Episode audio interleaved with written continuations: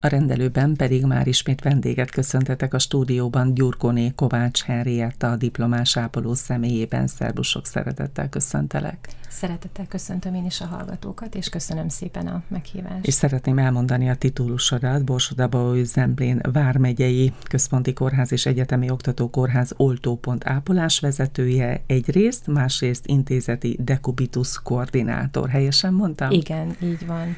És így van. aminek kapcsán itt vagy nálunk egy örömhír, amelyhez szívből gratulálunk, mert hogy az ápolók napja kapcsán annak alkalmából a Magyar Ápolási Egyesület oklevelét és ezüst kitűz főzőjét kaptad, szívből gratulálunk hozzá. Nagyon szépen köszönöm. Hogyan fogadtad az elismerést? A Magyar Ápolási Egyesület ezüst kitűzőjét vehettem át ünnepélyes keretek között a megyeházán február 28-án az ápolói hivatás ünnepélyes keretein belül váratlanul ért ez a megtiszteltetés, ezúton is szeretném megköszönni az Ápolási Egyesület vezetőségének Szegedi Judit docensasszonynak, Gálni Pataki Zsuzsanna Gabriellának és a kórház részéről Vas Mónika igazgatónőnek és helyettesének Szabó Tündének, hogy ezzel az elismeréssel értékelték az eddigi munkámat. Jelent ez neked muníciót a közelebbi, Úgy érzem, távolabbi jövőre nézve? Igen, hogy ezzel az elismeréssel új töltetet kaphatunk a további áldozatos munkavégzéshez, mert a mi munkánk valójában egy élethosszig tartó tanulás, ami azt szeretet vezérel.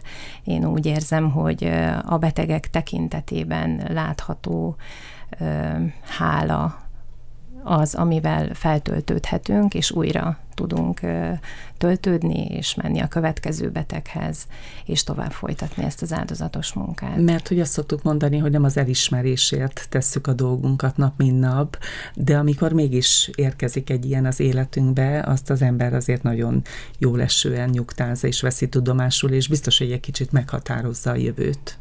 Igen, igen, úgy érzem, hogy ez egy olyan biztonságot ad az ember lelkében, hogy valamit jól csinál, és, és pozitív gondolatokkal tölti el, hogy van értelme annak, amit csinálunk, és érdemes még ebben a szakmában itt lenni, és tovább folytatni. És mindezt hány egészségügyben eltöltött év után kaptad? Egy kicsit a pályakezdésedre szeretnék visszautalni. Igen, 29 éve dolgozom a Borsodabau Zemplén megyei központi kórházban, pályakezdőként a kettes idegosztályon kezdtem az ápolói tanulmányaimat olyan tapasztalatokat, tudást, betegközpontú szemléletet tanultam, ahol megalapozta a szakmai iránti szeretetemet ezen az osztályon. A szakmai fejlődési lehetőségeket folyamatosan kihasználtam. A gyermekem, gyermekeim születése alatt diplomás ápolói végzettséget szereztem, és három gyermekem van, akik tudják, hogy milyen áldozatos és embert próbáló munka az ápolói szakma. Nagyon sokszor ugye családot háttérbe szorítva, egyéni érdekeket félretéve kell döntéseket hoznunk a munkánk érdekében. Akkor lehet mondani, hogy a család a három gyermek tekintetében ennek az elismerésnek különös értéke van számodra? Mindenképpen, mert az ő támogatásuk, a családi támogatás is hozzájárul ahhoz, hogy sikeresek legyünk Azt az életben. 29 éve 29 dolgozol a éve, központi igen. kórházban. Hogyan jött egyáltalán az egészségügy ötlete? Mert azt gondolom, hogy kell ehhez egyfajta személyiség.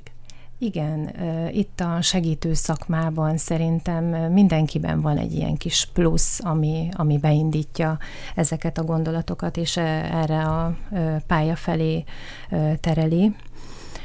Gyermekkoromban sok időt töltöttem kórházban, és ott tapaszt, jó tapasztalatokat szereztem, és szerintem ez is hozzájárult ahhoz, hogy, hogy én ezt az ápolói segítő szakmát válasszam. És te már eltöltöttél annyi évet, évtizedet az egészségügyben, hogy méltán mondhatod azt a felnövekvő generációnak, hogy tessenek jönni az egészségügyben, hiszen ez egy nagyon szép szakma, egy nagyon szép hivatás. De hát vajon jönnek-e a fiatalok?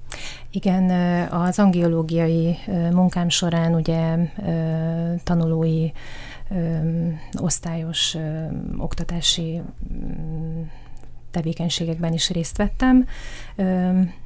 voltak olyan gyerekek, akik tényleg itták a szavunkat, jöttek utánunk, nagyon érdeklődőek, befogadóak voltak, viszont volt egy másik réteg is, akik igazából féltek az egész kihívástól, kóstolgatták a szakmát, de, de én úgy gondolom, hogy, hogy megfelelő ö, példamutatással el tudjuk azt érni, hogy ide bevonzuk a fiatalokat.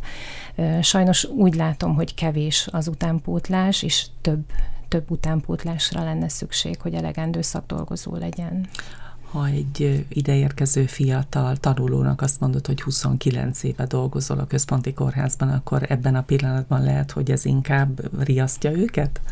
Nem gondolom. Mint sem, hogy ide vonzza? Vagy éppen ellenkezőleg? Nem, éppen ellenkezőleg. Én úgy gondolom, hogy ez mindenképpen példa a számukra, hogy igenis ennyi évet el lehet tölteni az egészségügyben, és továbbra is lehet fejlődni, lehet sikereket elérni, és vonzó szerintem a számukra. Mert hogy nem azt a világot éljük, amikor évtizedeket valaki egy munkahelyen letölt vagy dolgozik, ugye a felnövekvő generációra ez semmiképpen sem érvényes, de hál' Istennek az egészségügyben még azért ez működik. Úgy mutattalak be, hogy oltópont ápolás vezető, egyrészt, másrészt intézetúj dekubitus koordinátor. Hát megfogalmazódik a fejemben, hogy ez a két szerepkör, ez hogyan, hogyan alkalmazkodik egymáshoz, hogyan tudod ellátni a mindennapokban. Igen, a világjárvány sajnos a szakdolgozó és szakorvos hiány olyan gyökeres változásokat hozott a betegellátásban, hogy az angiológia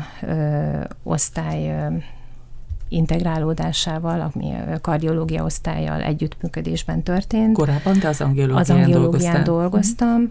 dolgoztam a betegellátás a kardiológián folytatódott, én pedig az oltópontra kaptam átirányítást, ahol szakmai vezető helyettes lehettem. A járvány leküzdésében az oltások beadásának megszervezése óriási feladat volt a szakmai vezetőink részéről és hálás szívvel gondolok vissza minden nehézség ellenére, hogy részese lehettem ennek az óriási embert próbáló kihívásnak, ahol a feladatok nagyon gyorsan változtak, egyik napról a másikra kellett döntéseket hozni, átszervezni a munkafolyamatokat, minden szakma bevonására szükség volt, szakdolgozói szinten, orvosi szinten egyaránt, viszont ettől függetlenül nagyon jól, összehangoltan, fegyelmezetten tudtunk, teamben tudtunk együtt dolgozni, és óriási volumenű volt, ugye két emeleten oltottunk.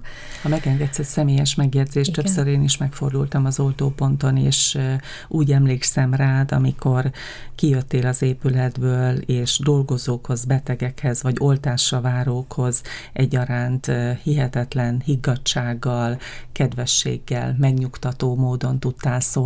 Ez szerintem nagyon sokat jelentett mindenkinek, de talán még neked is.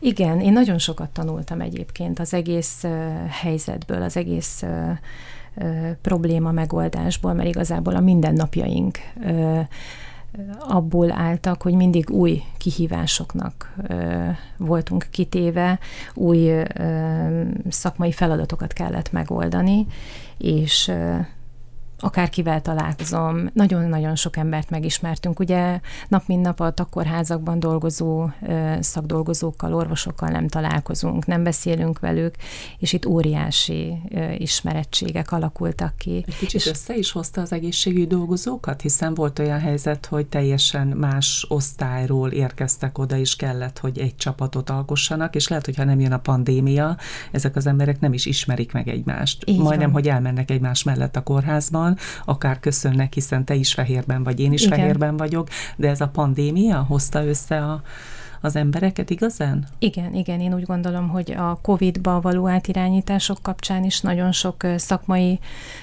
összefonódás történt, és itt az oltóponton is nagyon sok dolgozóval együtt kellett, hogy tudjunk dolgozni, de úgy gondolom, hogy itt a vezetőinknek a, a segítségével olyan mechanika alakult ki, hogy, hogy ez nagyon jól működött, és a mai napig is működik, csak már ugye kisebb volumenben. És gondolom, hogy amikor, amikor minden flottul működött és gördülékenyen, akkor nyilván az mindenkinek egy szerencsés helyzet volt, de azért voltak ott problémák, sokszor ki kellett, hogy jöjjetek az épületből, és akár személyes kontaktban oltásavárókkal megoldani problémákat. Én úgy láttam, hogy ez is nagyon gördülékenyen működött, megpróbáltatok mindenkit a lehető legmaximálisabb értelemben kiszolgálni, megkapja azt, amiért jött. Így van, nagyon jók voltak erre azok a szabályok, amik kötöttek minket igazából. Erre tudtunk hivatkozni, és ezzel tudtuk az embereket megnyugtatni, mert mindenki félt ugye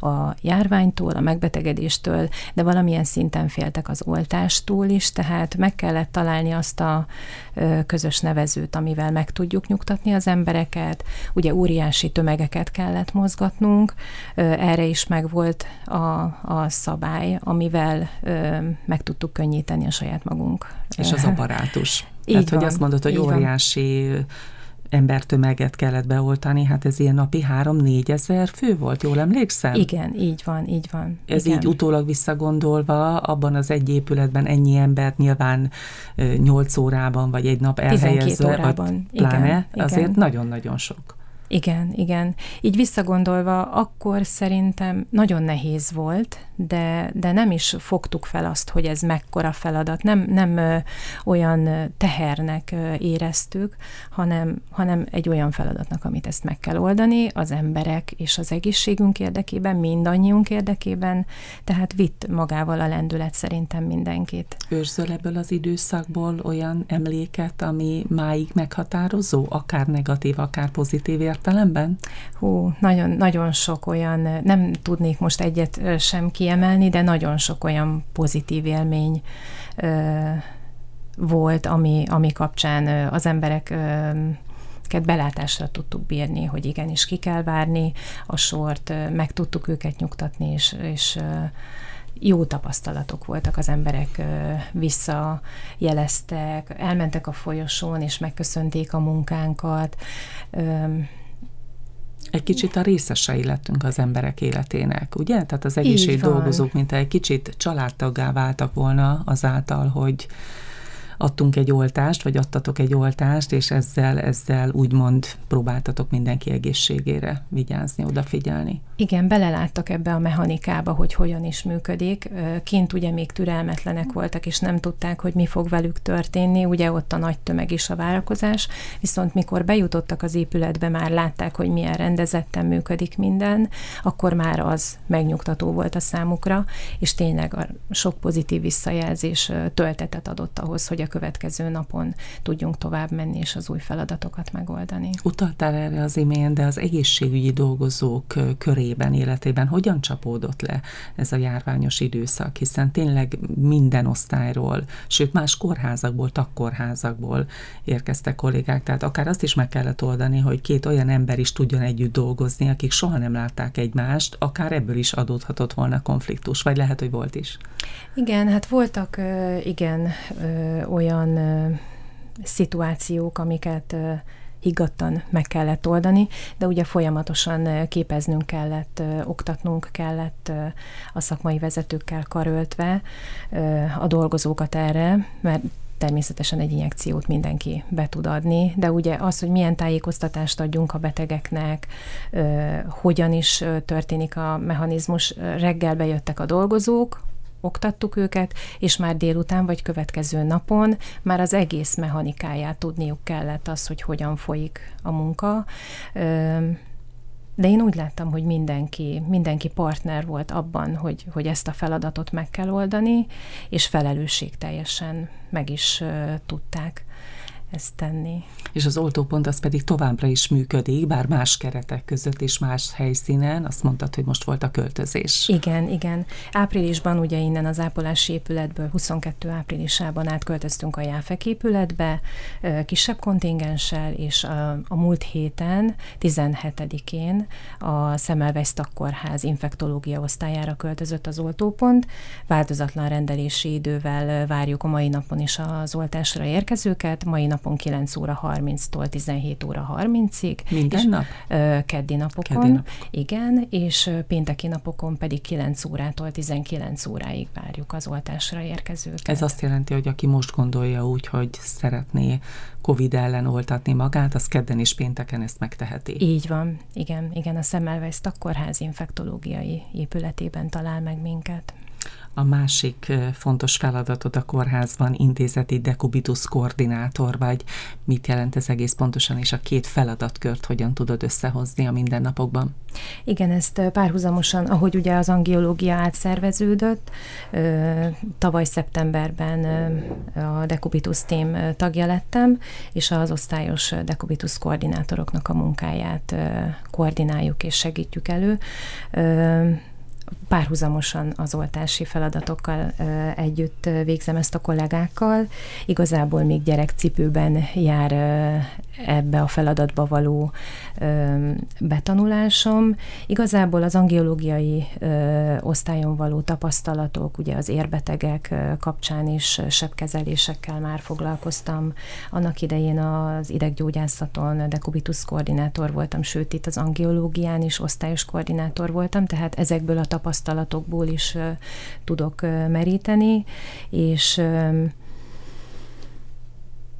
azért gondoltam ezt a váltást, mert közel áll hozzám ez a, ez a feladat, és, és próbálok a legjobb tudásom szerint a tím tagja lenni és részese lenni.